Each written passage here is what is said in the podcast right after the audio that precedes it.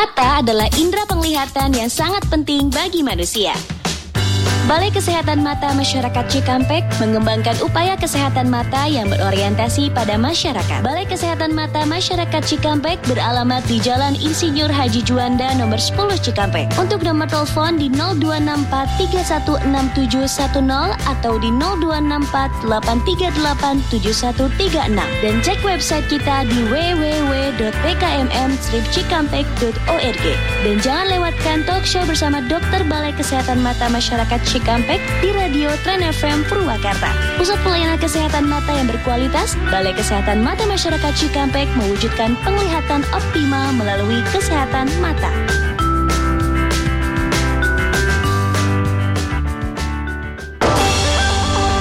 Sesaat lagi kita ikuti special talk show bersama Balai Kesehatan Mata Masyarakat Cikampek.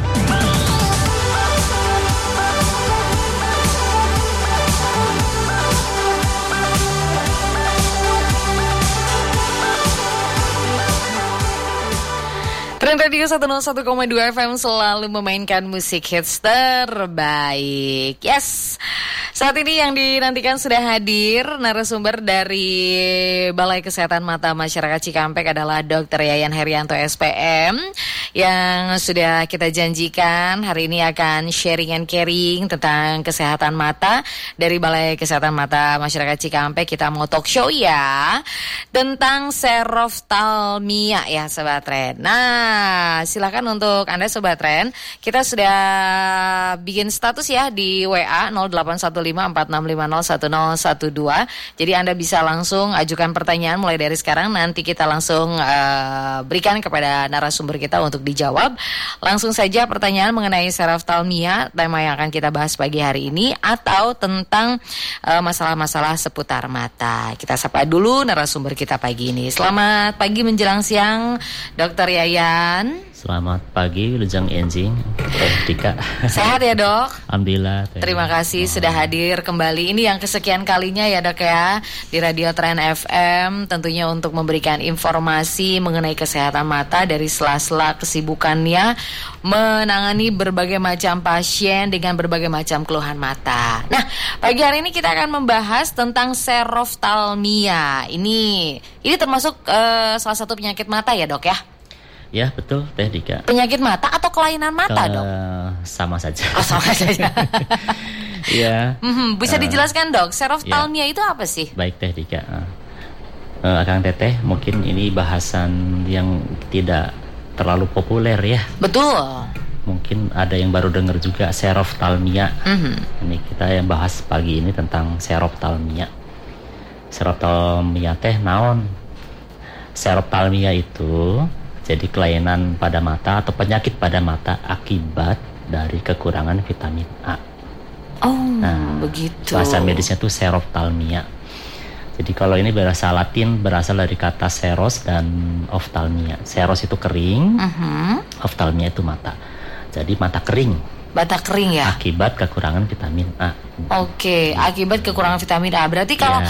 kalau mata kering bukan diakibatkan oleh vitamin A, bukan seroftalmia dok. Sanes, beda nanti oh. beda nanti kita bahas nih. Oke okay, oke okay, oke okay, hanya okay. definisi per kata aja ya. Uh mhm. -huh. Seroftalmia itu mata kering. Artinya eh, kalau bahasa arti definisi secara medisnya seroftalmia itu adalah kelainan pada mata akibat kekurangan vitamin A. Gitu. Oke. Okay. Begitu teh. Simpel sih sebenarnya ya. Kekur eh, kelainan pada mata akibat kekurangan vitamin, A. Ya. Nah, lalu tanda-tanda ya seroftalmia itu seperti apa, Dok? Ya, uh, sebelum kita lanjut ke tanda-tanda mata yang sakit, mm -hmm. seroftalmi itu kita harus paham dulu mata yang sehat seperti apa. Oke, okay, oke, okay, ya. baik, baik. Jadi kalau kita lihat mata kita, mm -hmm. ya mata teman kita lah yang di mm -hmm. depan itu kan, mm -hmm. bola matanya tuh jernih, Ma, putih ya, putih, okay. putih-putihnya tuh putih sekali dan mengkilap, jangan lupa mengkilap, mm. karena dia itu uh, putih mata itu sebetulnya diselaputi oleh konjungtiva. Uh-huh. Konjungtiva itu selaput bening, selaput bening ya yang mengkilap memang uh-huh. selaput. Jadi mata kita yang sehat itu putih-putihnya putih, putih sekali ya, putih dan mengkilap dia. Okay. Kelihatan kan ada pantulan pantulan cahaya gitu. Betul, betul, betul. Termasuk lingkaran hitam itu juga. Uh-huh. Itu juga kan mengkilap tuh. Uh-huh. Ya kan? bening, bening dan mengkilap. Jadi kayak kaca yang bening gitu ya. Oke. Okay. Itu mata yang sehat. Nah, pada seroptalmi itu itu tidak seperti itu, tapi kering. Jadi tidak mengkilap. Ini okay, tergantung kusam. tergantung derajat penyakitnya ya teh ya. Uh-huh. Pada tahap awal memang seperti itu, kelihatannya kusam memang. Oke. Okay. Yang putih-putihnya itu tidak bening, mengkilap tidak, tapi agak kusam lah. Keruh gitu ya dok? Eh, uh, jadi kayak ya jadi kayak seperti bersisik seolah-olah. Nggak bening nggak mengkilap lah. Oke okay, okay, nggak okay. mengkilap gitu. Uh -huh, uh -huh. Uh, jadi warnanya pun agak-agak kusep agak-agak kayak seperti bersisik gitu. Seperti ya. Betul. Termasuk lingkaran yang hitamnya juga. Kalau kalau yang normal kan mengkilap tuh. Uh -huh. kalau di center itu ada pantulan cahayanya kelihatan gitu kan? Oke. Okay. ya kan? Yang lingkaran itu. Nah kalau pada yang seroptalmi gitu tahap awal itu kusem. Lingkarannya itu lingkaran uh-huh. hitamnya itu korneanya itu nggak bening lagi. Oke okay, oke okay, itu okay. seperti itu. Baik itu gambaran uh, sedikit gambaran tentang uh, serol talmia ya. Oke okay, baik. Berarti uh, kusamnya itu seperti warna putih tulang dan bukan putih jernih gitu ya dok ya Kadang kalau kita ngelirik ke sebelah kiri atau kanan itu kan putihnya bagian putihnya kan lebih banyak ya dok. Betul. Nah itu berarti bisa kita lihat uh, kena seroftalmia atau tidak dari tanda-tanda itu ya dok ya. ya. Jadi mungkin yang perlu kita perhatikan mengkilapnya itu teh. Mengkilat ya dok mengkilap. ya. Mengkilap. Kalau mata yang normal itu kan mengkilap tuh ada kayak oh. basah kayak yeah, yang iya, basah yeah, permukaannya okay. itu kan okay. kayak basah mengkilap oh, kayak berair kayak gitu ya. basah lah permukaannya basah. itu kayak berlendir mm -hmm. oke okay? jadi kalau ada sinar itu kan ada pantulan cahayanya kelihatan Betul. di permukaan mata kita tuh baik mm -hmm. di yang bagian putihnya maupun di bagian yang hitamnya mm -hmm. nah pada mata kering karena seroptalmi itu seperti tidak seperti itu tidak mengkilap mm -hmm. tidak seperti berlendir gitu kering matanya pada tahap awal seperti itu nanti eh, lama-lama eh, kalau dibiarkan kekurangan vitamin A-nya tidak kita obatin, yang kering bisa berlanjut teh. Ada tahapan gradasi penyakit selanjutnya. Semakin parah nanti akan semakin nampak gejalanya. Oke. Okay. Seperti gini, kalau yang di putih-putih mata awalnya dia kering jadi kusem, lama-lama biarkan akan muncul bercak pitot. Apa itu dok? Bercak pitot itu jadi bentuknya seperti plak plak yang tumpukan seperti busa sabun kayak pulau lah kayak pulau uh -huh. tapi bentuknya kayak kayak busa sabun tahu ya busa sabun uh -huh. putih dan kayak berbusa berbusa gitu. okay. lokasinya biasanya di bagian putih yang pinggir pinggir luar Oke oke oke. Kan putih itu ada yang bagian dalam bagian dekat hidung, dalam, dekat hidung. Ada yang bagian luar. Bagian luar. Nah munculnya bercak bitot, namanya bercak bitot ya. Uh -huh. Munculnya bercak bitot biasanya di bagian putih bagian yang bagian luar. luar. Jadi Kang Teteh kalau ada lihat anaknya, ini karena kebanyakan pada anak ya. Oh begitu. Banyak kan anak-anak serottalmi itu. Kalau ada anak bapak Akang Teteh, bapak ibu atau tetangga, uh -huh. kayak seperti ada ada pelak putih-putih gitu uh -huh. ya uh -huh. di pinggir bagian luar itu. Uh -huh. Nah itu jangan-jangan bercak pitot. Jangan-jangan anak Akang Teteh ini terkena seroptalmi, okay. kurang vitamin A gitu ya. Bercak pitot itu e, muncul dari e, gejala mata yang e, tidak mengkilap itu Betul, ya dok awalnya ya? kering. Jadi tahapan kering. Awal, tahapan pertama okay. itu sebetulnya tanda awalnya entah sebelum muncul di mata ada tanda yang khas teh. Apa itu dok? Nah, tanda yang khas orang anak seroptalmi itu adalah buta senja. Buta uh -huh. senja teh, tahu? Uh -huh. Kotoken, kotok ayam Okay. Pernah denger? Enggak. ya ini ini. ini. Iya di aduh. Jadi uh, akan tete yang yang belum kenal katok ayam mm -hmm. atau kotoken buta senja. Jadi gini. Kalau anak yang kita yang sehat ya, kalau dari peralihan dari siang ke malam senja ya uh-huh, sore hari banggrep gitu uh-huh. kita nggak ada masalah lah masih melihat jelas gitu okay. masih melihat pohon kursi meja uh-huh. rumah masih jelas gitu okay. karena adaptasi mata kita masih normal bagus uh-huh. untuk adaptasi dari terang ke gelap masih bagus gitu. uh-huh. pada anak-anak yang menderita serottalmi but itu akan gejala awalnya akan menderita buta senja. Buta senja. Buta senja dulu. Ada kotoken dulu. Okay. Kotok ayam dulu. Jadi kalau begitu sore teman-teman yang lain sih masih bisa jalan-jalan walaupun Lari, agak remeng-remeng oh, gitu ya oke. di jalan nggak nabrak-nabrak gitu ya kalau dia udah agak kesulitan jadi jalan Wow. juga pelan-pelan takut nabrak kadang kesandung nabrak jadi itu namanya buta senja jadi adaptasi dari terang ke gelapnya itu jelek Hmm. Ya Iya iya iya. jadi iya. akan teteh kalau ada punya anak atau tetangga yang gejala seperti itu, kalau sore dia lebih banyak diam di rumah, teman-temannya pada lari di itu kan kalau Mhm. maghrib gitu ya, main di halaman gitu, dia lebih banyak diem. Itu jangan-jangan anak teteh lagi kekurangan vitamin A. Oke. Atau kalau yang gampang, tidak mesti sore hari teh, tapi dari siang hari seperti ini nih, siang hari seperti ini dia dari main di luar nih, di Mhm. Masuk ke rumah. masuk ke rumah, Gelap yang, gitu yang ya, Dok? rumahnya yang biasanya kan jendelanya masih tertutup atau yang rumah yang gelap-gelap itulah yang jendelanya tidak banyak biasanya Mhm. kan gelap kan. Kalau kita kan orang normal dari luar ke dalam memang gelap awalnya kan, Awalnya. tapi beberapa detik akan bisa melihat kan, lihat kursi, meja, semua Oke. bisa kelihatan bagian-bagian gitu kan. Mhm. Tapi pada orang yang menderita serothalmi itu dari luar nih masuk ke rumah yang agak gelap, udah gelap aja dia nggak bingung. Prosesnya lama untuk menuju ke terang lagi gitu kali dok.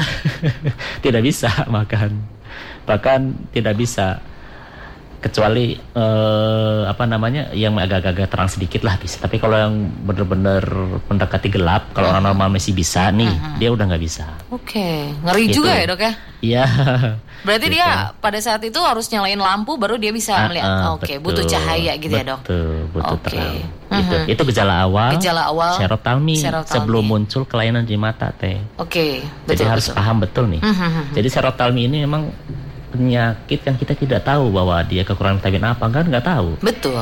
Kan adanya di dalam darah kita bisa periksa darahnya baru ketahuan oh ada kadar vitamin A-nya rendah baru ketahuan kan. Yang kita harus bisa tahu itu adalah gejalanya. Oke, Gejalanya ini makanya penting kita bahas sekarang. Apa sih sebetulnya gejalanya? betul. Tadi pertama gejala awal pula pertama Buta senja itu ya, dia Dok? itu kekurangan vitamin A adalah buta senja dulu perhatikan. Oke. Buta senja nggak mesti merisa pada saat senja hari, enggak. Mhm. Pada siang hari pun, pada saat dia dari luar halaman masuk ke rumah yang agak gelap, dia agak susah. Susah. Nah, ini penting juga kita untuk Bapak Ibu guru di sekolah nih. Mhm. Ini penting untuk screening anak-anaknya, didiknya di sekolah. Berarti Jadi kita harus kalau- tanya-tanya, gelap nggak gitu?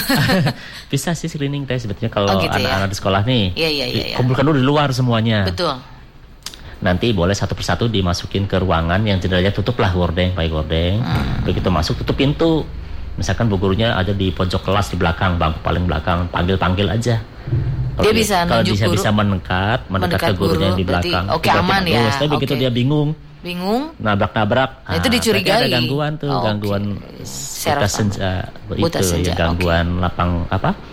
adaptasi gelap terangnya tuh nggak bagus Mhm. ya untuk para ibu guru bapak ibu guru boleh lakukan screening Betul. seperti itu kalau ada siswanya yang kalau masuk kelas yang agak gelap kodenya tutup begitu masuk tutup pintu ya Mhm. dia suruh jalan misalkan ke belakang gitu susah gitu ya nabrak-nabrak Betul betul. Ah. Kita bisa coba di rumah juga untuk anak-anak kita ya Bisa. dok ya. Oke. Bisa. Sebagai langkah awal pengecekan eh, anak kita kekurangan vitamin A atau tidak, Betul, gitu Teh. ya dok ya. Gejalanya kita harus tahu Oke. itu gejala awal Betul. Itu bisa kita lakukan pada siang hari dengan cara seperti itu. seperti itu Kalau eh, buta senja pada senja hari, apakah mungkin si anak itu merasa bahwa seperti matanya tertutup kabut atau gimana dok? Kalau misalkan eh, kondisinya pada peralihan siang ke sore, sehingga dia agak kesulitan misalnya untuk pulang ke rumah, jalannya agak kesandung-kesandung gitu, apa mungkin seperti ada kabut yang menghalangi atau gimana dok? bukan kabut teh tapi memang gelap Gelap dok. gelap kalau kabut kan kayak orang keluar katarak itu oh, Oke. matanya seperti ada Ini lebih ke gelap gitu ya dok Gelap, ya? Teh. jadi begitu masuk dari tempat yang terang ke Mhm. gelap Iya iya. iya. ya orang lain sih bisa adaptasi kan Mhm.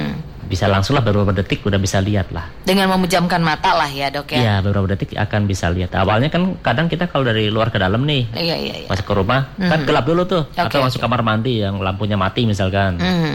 gelap dulu tapi lama-lama Oke. kelihatan toh Betul. kalau orang buta yang ophthalmi Mhm. Atau buta senja itu enggak. Oke. Okay. Gelap aja terus. Dan itu uh, dalam waktu beberapa menit tidak akan berubah ya dok ya? enggak. ya? Enggak berubah ya? Dan akan oh. terus seperti itu ya dok? Oke oke oke baik. Tadi di, disampaikan tadi di awal bahwa uh, sebenarnya kita tidak akan tahu karena gejala ini uh, sulit untuk diketahui lah ya dok Bukan ya. Gejala. Eh uh, apa penyakit Kadar ini ya? Vitamin A-nya okay. kita normal apa kurang nah, itu ketahuan. Dia. Gak ketahuan kecuali dengan pengecekan darah. darah. Nah, apakah mungkin kita uh, untuk mengetahui lebih cepat gitu dengan boleh deh kita ke lab gitu, pengen boleh. cek darah. Oh, bisa ya, Dok Di, ya? Boleh ke Prodia misalkan uh -huh. supaya kita mengecek kekurangan vitamin A atau uh, tidak gitu gitu. Oh, retinolnya okay. namanya retinol ya, diperiksa di serum darahnya tidak diketahuan. Oh, begitu. Kalau di bawah 20 unit mikrogram berarti itu udah kekurangan vitamin A. Berarti batasnya 20 ke atas ya, Dok? Ya, ada. Jadi sebetulnya gini, Teh. Di kita ini, uh mhm. -huh. di Indonesia ini, sebetulnya 50% uh -huh. anak-anak itu menderita serotalmi subklinis. Oke. Okay. Subklinis itu gini maksudnya, Teh. Sebetulnya kadar kadar retinol atau vitamin A-nya lah biar gampang vitamin A-nya itu udah rendah dia di bawah hmm. 20. Oke. Okay. Tapi belum muncul gejala di Betul. Tadi gejala-gejala seperti tadi belum muncul. Hmm. Belum ada buta senja, belum ada mata kering, belum. Betul. Tapi mengancam kan, lama-lama kalau biarkan akan semakin turun akan timbul gejala. Hmm. Secara klinis akan muncul. Jadi 50% di populasi anak-anak kita sebetulnya itu menderita serotalmi tapi subklinis. Hmm. Secara pemeriksaan darah laboratorium kadarnya memang udah rendah di bawah standar normal. Betul. Cuma belum muncul gejalanya. Gitu. Kalau dibiarkan itu masih kurang vitamin A terus nanti akan muncul menjadi klinis. Serta yang klinis akan muncul gejala buta senja, mata kering dan lain-lain nanti akan mhm. -huh. ada gejala lanjutannya gitu. Betul sekali. Kenapa menyerang anak-anak dong? Apa yang apa yang uh, menyebabkan hal itu bisa terjadi? Ya. Pertama sih uh, anak-anak memang lagi masa-masa pertumbuhan masih butuh vitamin A banyak. Yang kedua juga memang kadang-kadang anak-anak itu kan pola makannya ini ya kurang bagus. Oke. Okay. Uh, Lebih menyukai apa makan. yang dia sukai ya dok ya. Jadi kan gini teh, uh, serotalmi itu sebetulnya bisa karena dia memang asupan makanannya yang jelek, buruk, mm -hmm. misalkan gizi buruk nih. Betul. Anak-anak dari daerah orang miskin nih kadang-kadang mm -hmm. kan uh, gizi buruk, asupan makan yang kurang lah, yang kurang mengandung vitamin A. Yang kedua bisa jadi memang absorpsi, absorpsi atau ya penyerapan, uh -huh. penyerapan vitamin A di dalam ususnya terganggu. Oke. Okay. Jadi dua hal itu penyebabnya. Uh -huh. Bisa karena memang kurang asupan makanan yang mengandung vitamin A, bisa juga memang di dalam badannya ada penyakit gangguan penyerapan vitamin A-nya. Sehingga, Mungkin makanannya sih cukup. Betul, sehingga memperlambat penyerapan memperlambat vitamin, vitamin A, itu ya dok ya. Nah, uh -huh. contohnya apa? Pada orang-orang anak-anak yang punya penyakit diare kronis, diare okay. kronis. Uh -huh. Nah ini pasti akan kekurangan vitamin A karena penyerapannya jelek. Ya, uh -huh. itu. Atau yang lagi sakit campak teh. Hmm. Lagi sakit campak itu kan di samping anaknya susah makan, sakit kalau makan, sesak gitu kan yang campak nih. Mm-hmm. itu uh, susah makan kan? Udah pastilah mm-hmm. jadi akan ini. Dan makanya pada anak-anak yang sakit campak di puskesmas puskesmas nih mm-hmm. wajib dikasih vitamin A kapsul. Sudah pasti itu atau yang sakit-sakit kronis. Misalkan yang diare kronis yang ispa.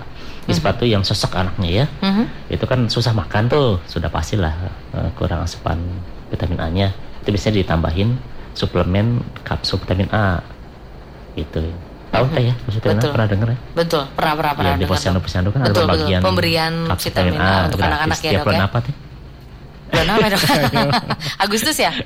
Betul. Setahun berapa kali? nah ini yang akan kita bahas pasti ya.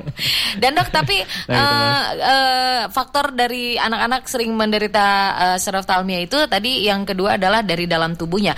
Berarti harus diobati dulu si penyakitnya ya, itu, maka proses pencernaan vitamin A-nya akan kembali betul, normal ya dok. Betul. Oh, Oke. Okay. Sebetulnya ini uh, jadi apa ya? Kayak lingkaran setan sebetulnya. Jadi oh. banyak beberapa ya saling berhubungan lah okay. dengan penyakit-penyakit yang mendasarinya itu. Mm -hmm. Nanti kita bahas lebih lanjut lah. Oke okay, oke, okay. baik betul sekali. Nah nanti kita juga akan bahas sebenarnya uh, vitamin A seperti apa sih yang bisa menunjang supaya mata kita tidak kekurangan dan tidak mengakibatkan seroftalmia. Untuk anda silakan ini masih perbincangannya panjang sekali dan seru sekali. Silakan yang mau bertanya boleh lewat SMS atau WA di 081546501012. Kita akan kembali sesaat lagi dan tetaplah bersama saya Maharika Budiman dan juga narasumber bersama Dr. Yayan Herianto SPM dari Balai Kesehatan Mata Masyarakat Cikampek. Special Talk Show bersama Balai Kesehatan Mata Masyarakat Cikampek akan kembali lagi setelah pesan-pesan berikut ini.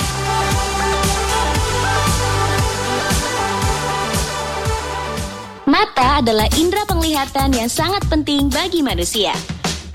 Balai Kesehatan Mata Masyarakat Cikampek mengembangkan upaya kesehatan mata yang berorientasi pada masyarakat. Balai Kesehatan Mata Masyarakat Cikampek beralamat di Jalan Insinyur Haji Juanda nomor 10 Cikampek. Untuk nomor telepon di 0264316710 atau di 0264838736 dan cek website kita di www.pkmm-cikampek.org.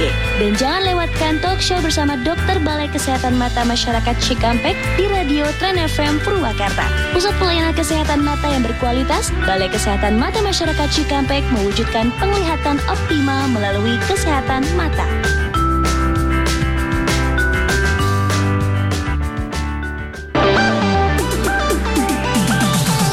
Kita lanjutkan kembali special talk show bersama Balai Kesehatan Mata Masyarakat Cikampek. Radio 101,2 FM selalu memainkan musik hits terbaik. Saat ini waktu menunjukkan pukul 10 lebih yang 41 menit. Masih bersama saya Mahardika Budiman dan juga narasumber Dr. Yayan Herianto SPM dari Balai Kesehatan Mata Masyarakat Cikampek. Kita masih membahas tentang seroftalmia, yaitu kelainan pada mata akibat kekurangan vitamin A. Dok, vitamin A yang e, diperlukan untuk tubuh kita baik itu dari makanan, sayuran, buah-buahan atau vitamin apa saja yang uh, bisa memenuhi kebutuhan vitamin A di dalam tubuh kita. Ya, uh, jadi kan kita harus tahu ya sumber-sumber mhm. vitamin A itu dari apa aja makanannya ya. Paling banyak, yang paling banyak ya itu sumbernya dari buah-buahan yang berwarna kuning ya yang matang lah ya. Tidak mesti wortel sih. Iya betul. Wortel kebanyakan memang, orang mikirnya memang, wortel ya dok? wortel memang banyak. Warna kuning sih ya pasti. Tapi Orange. mang ya lah. Kuning jeruk dok. Iyalah maksudnya ya itulah uh -huh. yang yang matang lah ya. Oke. Okay. mangga yang matang juga kan ada kuning. tuh. ya pokoknya matang-matang lah. Oh gitu ya dok. Oke. okay. buah-buahan yang matang yang warna kuning ya. Oke. Okay. bisa juga dari sayur-sayuran hijau.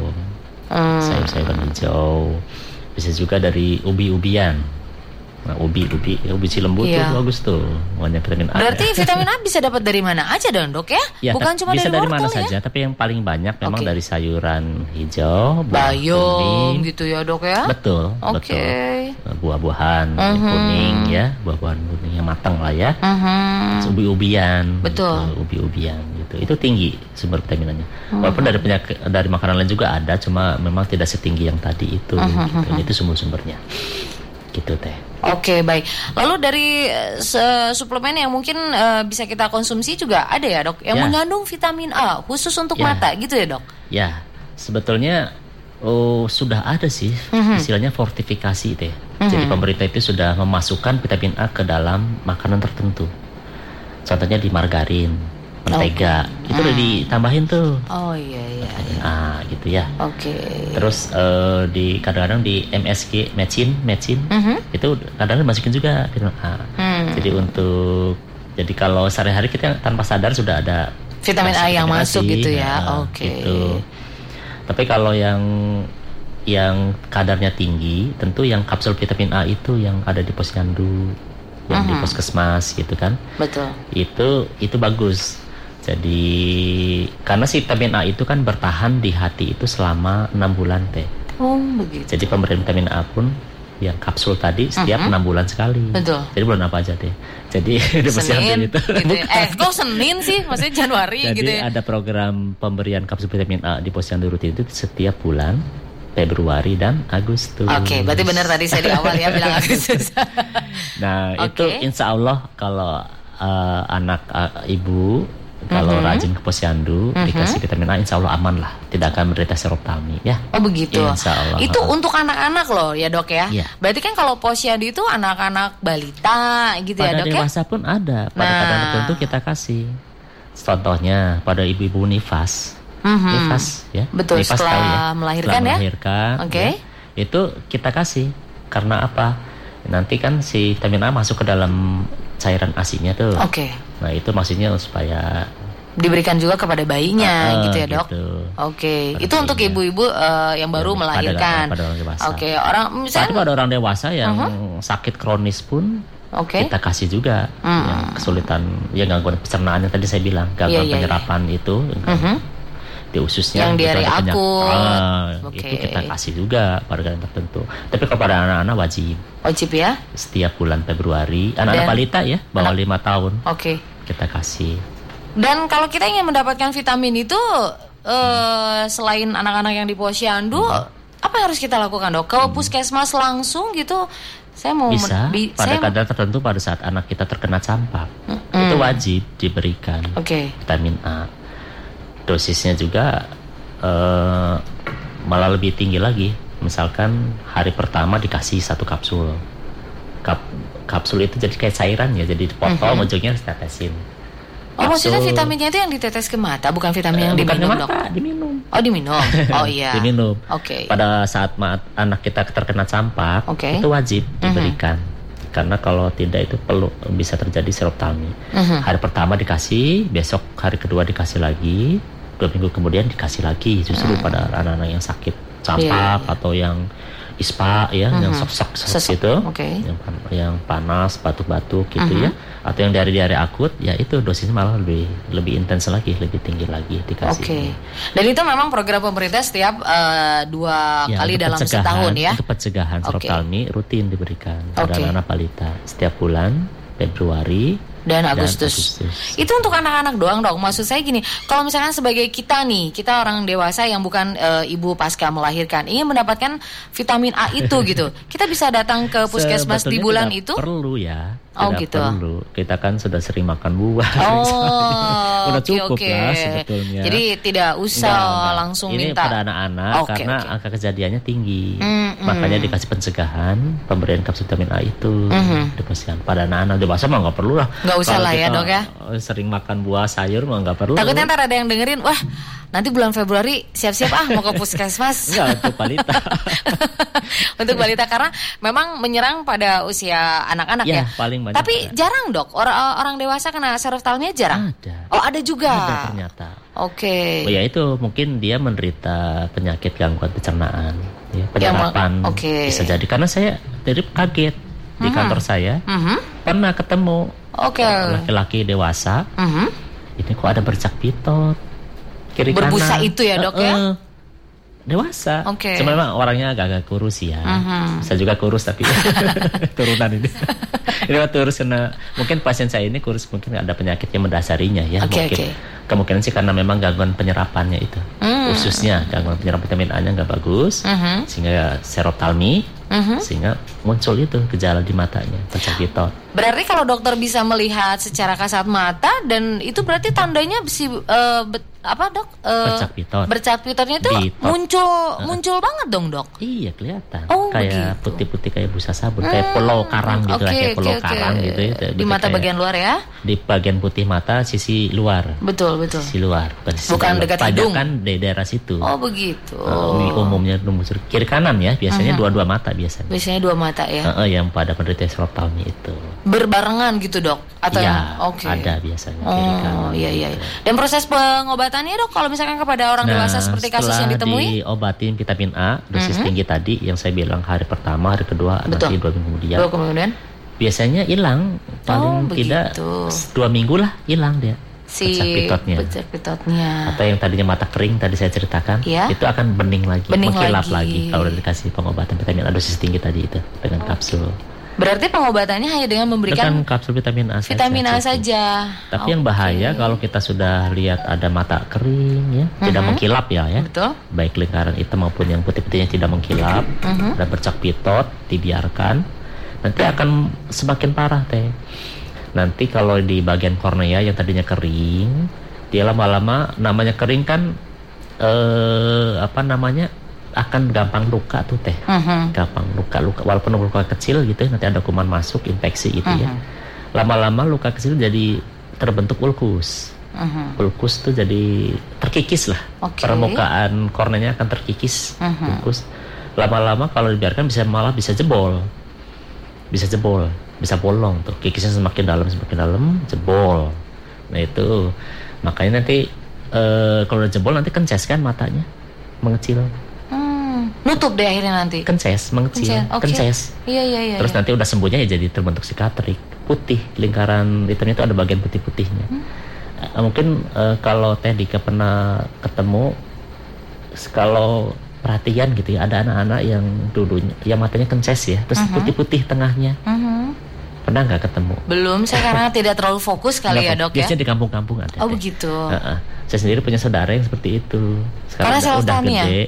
saya nggak ngerti ya pokoknya oh. sekarang udah gede kok matanya kecil satu oh. dan ada putih-putihnya ya memang dari dulu dari apa dari keluarga tidak mampu ya betul oh ini kemungkinan dulunya pernah serotalmi mungkin awalnya cuma kering betul. matanya terus dibiarkan jadi terkikis semakin dalam sampai mm -hmm. jebol mm -hmm. gitu mm-hmm. ya sehingga udah semuanya terbentuk sikatrik tadi yang putih tapi udah kences sudah okay. mengecil matanya berarti kalau tidak diobati segera mengakibatkan uh, mata kences itu maka ya, tidak akan beru ya tidak akan lihat kebutaan kebutaan dok kebutaan efeknya makanya nih tanda itu penting ya iya sebelum terjadi kebutaan kayak yang tadi saya ceritakan yang mata kences tadi uh -huh. sikatrik ya yang yeah. ada putih-putih di matanya okay. harus tahu gejala awalnya mhm. -huh.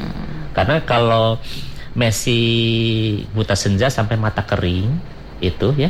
Itu setelah dikasih vitamin A ya sampai itu pecah pitot lah ya. Uh-huh. kasih vitamin A sembuh total. Tidak ada apa-apa lagi di matanya. Pening lagi normal uh-huh. lagi. tapi kalau sudah ada uh, ulkus uh-huh. ulkus tuh udah ada terkikis matanya. nanti sembuhnya walaupun walaupun tidak jebol nanti sembuhnya akan terbentuk sikatrik tetap ada putih-putih. Ada putih-putih di bagian hitam. Dan akan menghalangi penglihatan. Oh. Itu. Dan tidak bisa operasi ya, Dok ya? Operasinya paling cangkok kornea. Oh. Operasinya. Jadi kornea dia yang udah rusak, Betul. yang udah terbentuk sikatrik uh -huh. tadi, yang uh -huh. ada uh-huh. putih-putihnya diangkat. Oke. Okay. Diganti yang dari yang udah meninggal, korneanya yang masih bening. Oke. Okay. Digantikan itu, ditempel situ, dijahit. Hmm. Dan itu Namanya akan cangkok kornea. Dan akan memulihkan penglihatan ya, Dok ya, ya. setelah itu. Iya, coba campurannya itu kan peluangnya memang 50-50. Oh, okay. Berhasil gagalnya itu 50-50. Hmm, betul betul betul sekali. Jadi sebelum sampai buta gara-gara stroke ya. harus tahu gejala awalnya tadi. Iya, betul Dan sekali. diobatin dari okay. awal begitu. Betul. Dan cara pengobatan seroftalmia pada anak dan orang dewasa sama ya, Dok? Hanya dengan memberikan vitamin, vitamin A sesuai A anjuran saja. dokter ya. Uh, uh. Kalau okay. lagi memang lagi butuh ya dosisnya tinggi. Tapi oh. untuk pencegahan ya mm -hmm. tadi anak-anak dikasih rutin tiap Februari Agustus. Jadi Kang Teteh yang punya bayi Bali itu jangan lupa ya. Betul. Eh, kalau bisa rutin ke posyandu karena penting ya Betul. untuk memantau perkembangan anaknya tuh, uh-huh. tumbuh kembangnya, berat badannya segala macamnya kan dinilai itu normal iya, apa enggaknya. Betul sekali. Di samping itu nanti setiap bulan Februari Agustus ada pemberian gratis. Vitamin A itu penting. Mm-hmm. Jadi insya Allah nanti aman akan teteh anaknya gitu. Diminum lah ya kapsulnya itu iya, untuk anak-anak ya. Oh ditetes ya dok ya. ya. Oke. Okay. Jika terjadi seroftalmia pada anak dok, apakah akan berulang kembali untuk uh, berapa kali kejadian gitu dok? Misalkan udah sembuh, kejadian lagi. Ya bisa. Bisa juga ya dok? Kalau dia memang ada kekurangan asupan lagi. okay. atau memiliki penyakit kronis yang tadi yang saya mm-hmm. bilang, namanya penyakit kronis ya. Mm-hmm misalkan diare kronis itu berulang uh-huh. atau nanti dikasih vitamin A cukup lah sembuh ya tidak uh-huh. ada serotalmi tapi penyakitnya masih ada ya uh-huh. ya muncul lagi butuh okay. dikasih lagi uh-huh. atau nanti kena campak nih di kemudian hari uh-huh ya perlu dikasih lagi seperti itu. Oke, baik. Berarti kita harus mengenali gejala awalnya yang tadi buta senja, mata kering, uh, apa tadi dok? Pitot apa? Ber bercak pitot. Bercak pitot. Nah, pitot. itu itu kalau misalkan uh, pada anak-anak lah yang sudah bisa berkomunikasi dengan uh, orang dewasa ya dok ya. Uh, apa jadinya jika uh, terjadi seroftalmia pada balita? Mm-mm. Berarti kita lihat dari gejala awalnya yang mata kering itu ya dok ya? Kering, tidak mengkilap. Tidak mengkilap. Tidak mengkilap awalnya. Oke. Okay. Kalau kalau lebih jeli lagi mungkin dia sudah mulai menderita buta senja. Tadi perhatikan aja. Uh, sore hari dia lebih banyak diem, lari-lari okay. di halaman. Misalkan untuk untuk anak-anak anak balita yang belum bisa komunikasi dengan kita dok. Iya, kitanya harus paham. Okay. Kalau anak-anak kecil itu malam hari pun suka di halamannya agak mm -hmm. redup masih bisa lah. Okay. Kalau dia lebih banyak diem di tempat yang terang. Mm -hmm. gitu itu jangan lebih aman di tempat terang gitu ya dok nah, ya? nanti apalagi kalau sudah muncul kekeringan di mata udah yeah, mulai yeah, tidak yeah. mengkilap lagi. Uh -huh. apalagi kalau kalau perhatikan ada bercak pitot tadi. Nah uh -huh. itu udah pasti kan? Oke okay. baik. Dok saya tekankan dulu. Uh, mata kering itu uh, adalah mat, uh, si yang putihnya sudah mulai kusam, kusam. atau diartikan sebagai mata yang tidak tidak berair gitu dok? Mata kering Bukan itu. Bukan berair. Mungkin dia nangis masih berair selain selain menangis dok kan kadang-kadang suka nguap atau mengeluarkan air. Oh itu, itu masih lagi, oh beda lagi ya dok ya. Kalau air mata itu kan produksinya ada di pabriknya okay. di bagian atas bola hmm, mata. Oke. Okay. Kalau ini permukaan, permukaan bola matanya yang tidak mengkilap, tidak okay. tidak kering, apa tidak ya ke, tidak basah, kelihatannya tidak, tidak basah. Uh -huh. Kalau nangis pasti tidak bisa ada air matanya okay. masih. Masih ya. Sampai kalau matanya kusem gitu. Hmm. Lingkaran hitamnya nggak mengkilap. Kalau di center itu kok kan kalau yang normal mengkilap lah bagus lah ya hmm, bening hmm, gitu. Yang putih-putih juga kenapa tidak mengkilap itu mata kering oke. Okay. kita boleh boleh coba uh, screening dengan cara center ya udah di kaca bisa center gitu ya dok. Kelihatan tuh. Kelihatan ya dok? kebetulan kan kelihatan oh, kan sehat nggak dok mata saya jadi Kilap konsul, dari jauh. Jadi konsultasi. Malam mengeluarkan sinar. Glowing in the dark gitu ya. Oke, okay, iya, yeah, baik yeah. ini seru sekali nih uh, tentang seroftalmia. Kembali saya undang untuk Anda sobat Rain yang mau bertanya silakan lewat SMS atau WA di 081546501012. Sepertinya ini sudah ada juga yang bertanya, nanti kita akan bahas dan kita akan kembali Sesaat lagi masih bersama BKMM Balai Kesehatan Mata Masyarakat Cikampek. Special Talk Show bersama Balai Kesehatan Mata Masyarakat Cikampek akan kembali lagi setelah pesan-pesan berikut ini.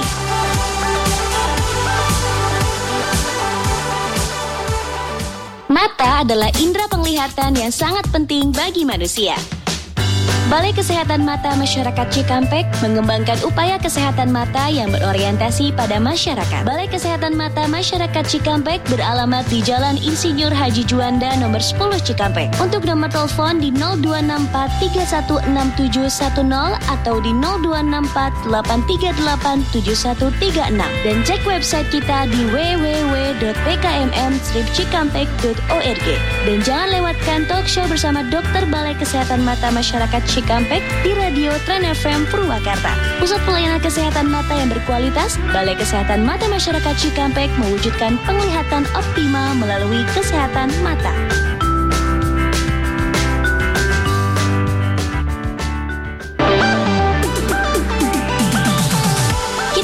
Kembali special talk show bersama Balai Kesehatan Mata Masyarakat Cikampek. Radio 101,2 FM selalu memainkan musik hits terbaik Yang tadinya agak-agak kurang paham atau nggak kenal Atau bahkan tidak pernah mendengar sama sekali tentang penyakit seroftalmia Apa itu seroftalmia? Tapi sedikit demi sedikit penjelasan dari uh, dari narasumber Anda sudah tahu bahwa seroftalmia itu adalah kelainan pada mata akibat kekurangan vitamin A Kita lanjutkan kembali talk show-nya yang hanya tinggal beberapa menit ke depan Dok, faktor resikonya apa sih dok? Ya, jadi eh, anak-anak yang berisiko menderita seroktalmi itu pertama nih harus diperhatikan ya. Anak-anak yang waktu lahir berat badannya itu rendah, PBLR kalau berat badan lahir rendah. Betul. Jadi batasannya itu kalau di bawah dua setengah kilo. Oke. Okay. Ya, mm -hmm. itu didefinisikan sebagai berat badan lahir rendah. Oke. Okay. Di bawah dua setengah kilo. Uh -huh. Ini berisiko nih. Oh risiko bayi, ya dok? Bayi yang lahir hmm. di bawah dua setengah kilo, uh -huh. ya nanti setelah enam bulan harus dikasih vitamin A. Jadi uh pemberian vitamin A itu dimulai dari usia enam bulan lah. Oke. Okay. Nah, itu dikasih kapsul uh -huh. vitamin A yang dosis yang setengahnya yang warna biru. kan kapsul vitamin A itu yang puskesmas ada biru dan merah. Mm-hmm. Kalau biru itu yang 100 ribu unit, unit yang 200 itu yang biru. Mm-hmm. Ya. Jadi pada anak-anak yang uh, lahirnya beratnya itu di bawah dua setengah PPLR, mm-hmm. nah ini berisiko menderita serotami. Itu okay. harus dikasih. Kedua, anak-anak yang tidak mendapatkan ASI eksklusif. ASI eksklusif tahu teh? Ya, enam bulan pertama kelahiran ya dok? Ya pokoknya selama 2 tahun kan pemberian okay. ASI eksklusif itu kan. Uh -huh. Nah ini berisiko juga karena uh, ASI itu kan kandungannya lengkap sekali betul, ya, betul. lengkap sekali. The power of ASI lah ya. Ya betul. Jadi Akang Tete usahakan walaupun sibuk sebagaimanapun, betul. anaknya itu bayinya tetap dikasih ASI ya. Mhm. -huh.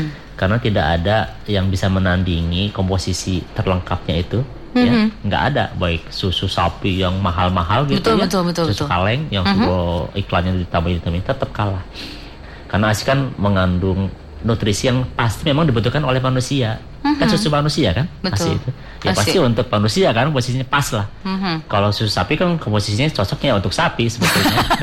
Iya kan? Kebutuhan badannya. Betul. Yeah, yeah, yeah, secara komposisi dia mm-hmm. udah pas lah. Mm-hmm. komposisi kandungannya itu memang memang untuk untuk kebutuhan manusia. Mm-hmm. kalau susu sapi ya lebih cocok kebutuhannya untuk anak sapi sebetulnya gitu ya. Sebetulnya. Kedua eh, kandungan yang tidak ada di susu sapi itu kan uh, kayak untuk apa uh, kolostrum misalkan kolostrum betul, ya, betul, betul. itu yang untuk daya tahan tubuh anaknya supaya betul. kuat gitu ya. Iya iya iya. Nah, hanya ada di ASI. hanya ada di ASI untuk daya tahan tubuhnya supaya kuat itu. Oke. Okay. Gitu. Jadi ya Kang Tete yang anak-anaknya tidak mendapat vitamin baik kan ASI. ASI. Mm -hmm. Nah, ini berisiko juga menderita serotami. Okay. Karena ASI itu kan tinggi juga kandungan vitamin A-nya jadi yang dia hanya dapat di susu susu biasa gitu ya uh -huh. malah tidak dapat susu barangkali uh -huh. Uh -huh. itu ya pasti menderita vitamin kekurangan vitamin A terus yang kedua ketiga anak-anak yang menderita kekurangan gizi nih uh-huh. ya Kang Teteh kalau punya tetangga yang dari keluarga miskin anaknya kurus kering itu ya uh-huh. lemes ini kasihan ini pasti dia akan menderita seroptalmin ya uh-huh. nah, nah itu Terus yang keempat, anak yang memang tidak mendapatkan vitamin A di yang bulan Februari Agustus itu, uh-huh. ya ini berisiko juga. Berisiko juga. Berisiko ya, juga, okay. apalagi dari keluarga yang miskin gitu ya, Betul. ya, yang makanannya kekurangan buah, sayuran gitu uh-huh. ya, ini berisiko juga.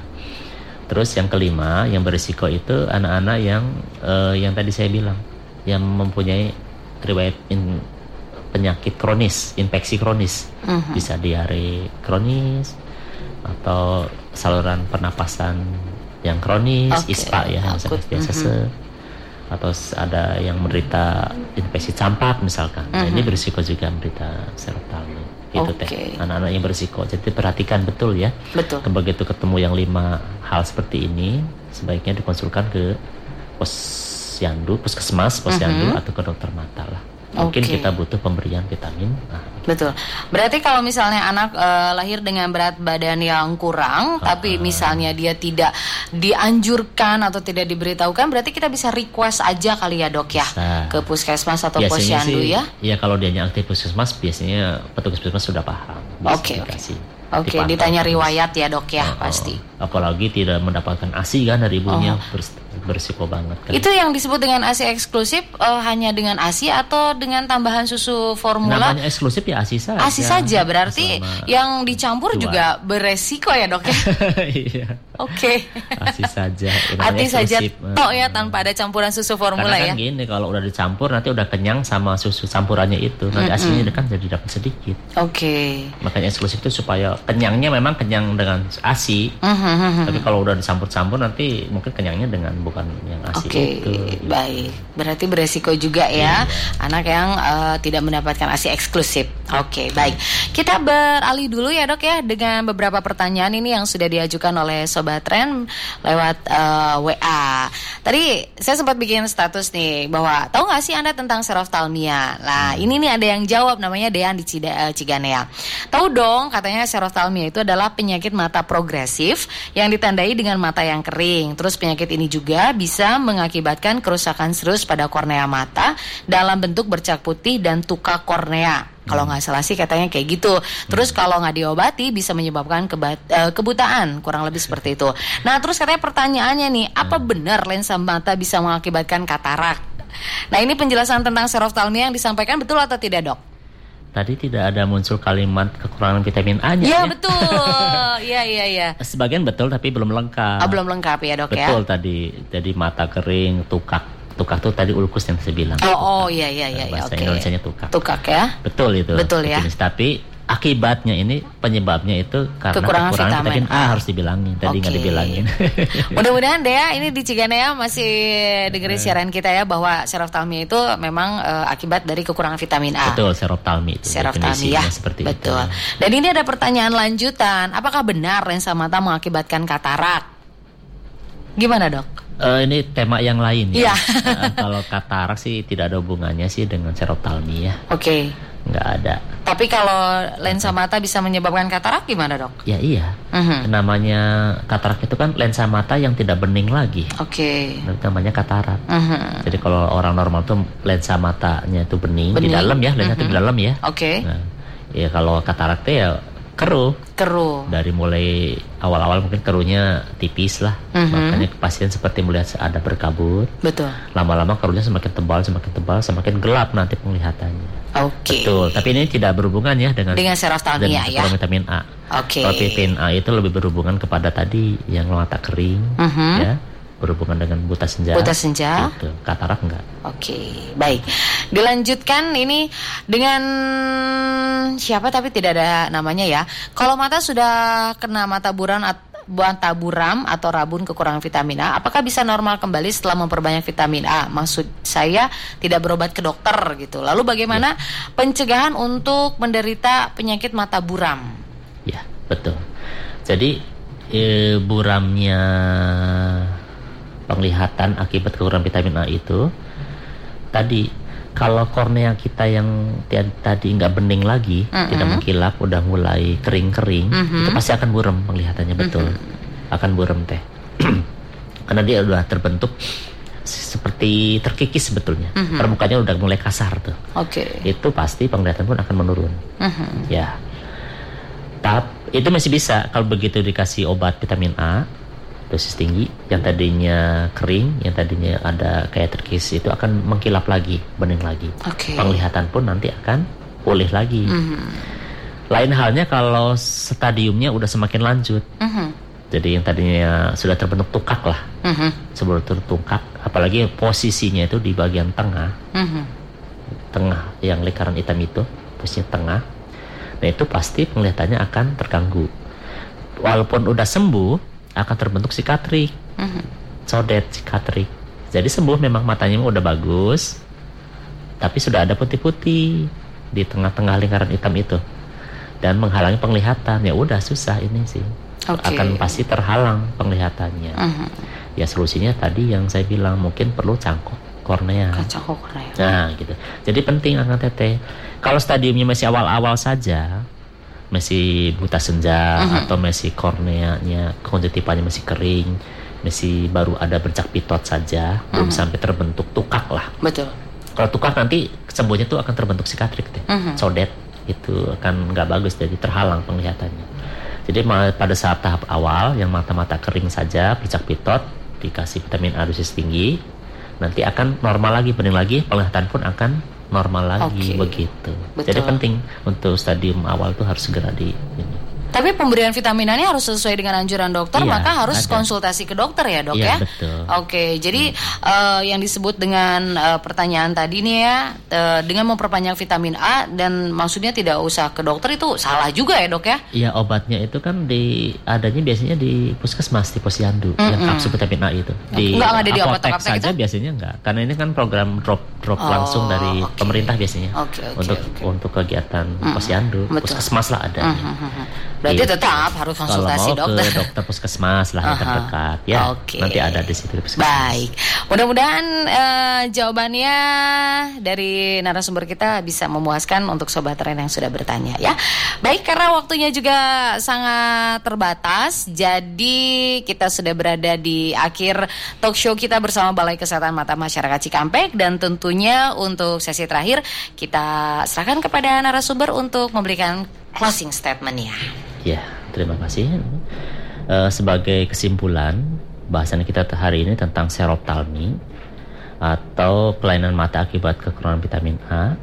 Itu kan ditandai dengan uh, keluhan biasanya pada tahap awal itu buta senja. Terus nanti berlanjut kalau dibiarkan menjadi matanya kering, tidak mengkilap. Semakin lama nanti akan ada tahap terbentuk tukap, glukus, matanya terkikis. Kalau dengan obatnya juga nanti akan jebol, matanya nanti akan kences. Nanti udah sembuhnya terbentuk sikatrik. Jadi ada putih-putih di lingkaran hitamnya itu. Ya jadi kalau yang harus diketahui uh, akan teteh ya utamanya adalah gejala awalnya harus tahu. Karena kalau kita kan nggak tahu nih anak kita menderita vitamin kekurangan vitamin A apa enggaknya. Ya kan? Tahuannya kalau diperiksa kadar vitamin A dalam darahnya. Yang perlu akan teteh ketahui adalah gejalanya bahwa anak akal itu menderita uh, seroptalmi yaitu tadi ada peta senja, bola mata yang tidak mengkilap, tidak licin lah. Terus kalau lebih teliti lagi ada percak pitot. Itu nanti kalau ketemu seperti itu segera datang ke puskesmas, konsultasi ke dokter. Kalau enggak ya langsung ke dokter mata ke BKMM Cikampek boleh. Terus yang kedua, perlu diperhatikan anak-anak yang berisiko menderita seroptalmi tadi yang saya sebutkan anak-anak dengan berat badan lahir rendah di bawah dua setengah kilo ya. Anak-anak dengan yang tidak mendapatkan asi eksklusif. Anak-anak yang kurang gizi ya. Uh, yang kalau ditimbang di posyandu itu berat badannya di bawah batas garis merah itu BGM ya. Terus eh, anak-anak yang tidak pernah ke posyandu tidak pernah dibawa ke posyandu sama orang tuanya yang tidak mendapatkan vitamin A setiap bulan Februari dan Agustus Terus yang kelima anak-anak yang memang menderita penyakit infeksi kronis seperti diare berulang atau ISPA ya sesak-sesak gitu. Terus yang menderita campak, nah itu yang berisiko menderita seroptalmi. Segera bawa ke puskesmas atau ke BKM Cikampek boleh. Oke. Okay. Itu saran saya. Baik, terima kasih untuk narasumber kita Dr. Yan Herianto SPM dari Balai Kesehatan Mata Masyarakat Cikampek. Jadi jika sudah ada beberapa tanda yang dialami oleh putra-putri kita dan mengarah pada seroftalmia, segera langsung saja berobat ke dokter mata mungkin Anda bisa langsung datang ke BKMM Balai Kesehatan Mata Masyarakat Cikampek di Jalan Insinyur Haji Juanda nomor 10 Cikampek ya. Untuk nomor teleponnya boleh dicatat 0264 316 710 atau 0264 838 7136 atau cek websitenya www.bkmm-cikampek.org. Pasien bisa daftar dengan BPJS dan umum dan untuk pasien BPJS bisa membawa kartu BPJS, surat rujukan yang ditujukan ke BKMM Cikampek, bawa KTP juga, KK dan foto kopi uh, di fotokopi rangkap maksudnya uh, tiga di fotokopi tiga rangkap. Dan pendaftaran setiap hari Senin sampai dengan Kamis jam 8 pagi sampai dengan jam 12 dan untuk hari Jumat jam 8 sampai dengan jam 11 terima kasih Dokter Yayan untuk Sama-sama. informasinya mengenai seroftalmia Terima kasih sudah kedatang ke Radio Tren FM. Selamat melanjutkan aktivitas. Terima kasih. Demikianlah untuk talk show spesial kami bersama Balai Kesehatan Mata Masyarakat Cikampek hari ini Kamis 10 Oktober 2019. Dan untuk Anda Sobat Tren tetaplah bersama saya Mahardika Budiman di acara Hotlist sampai dengan jam 12.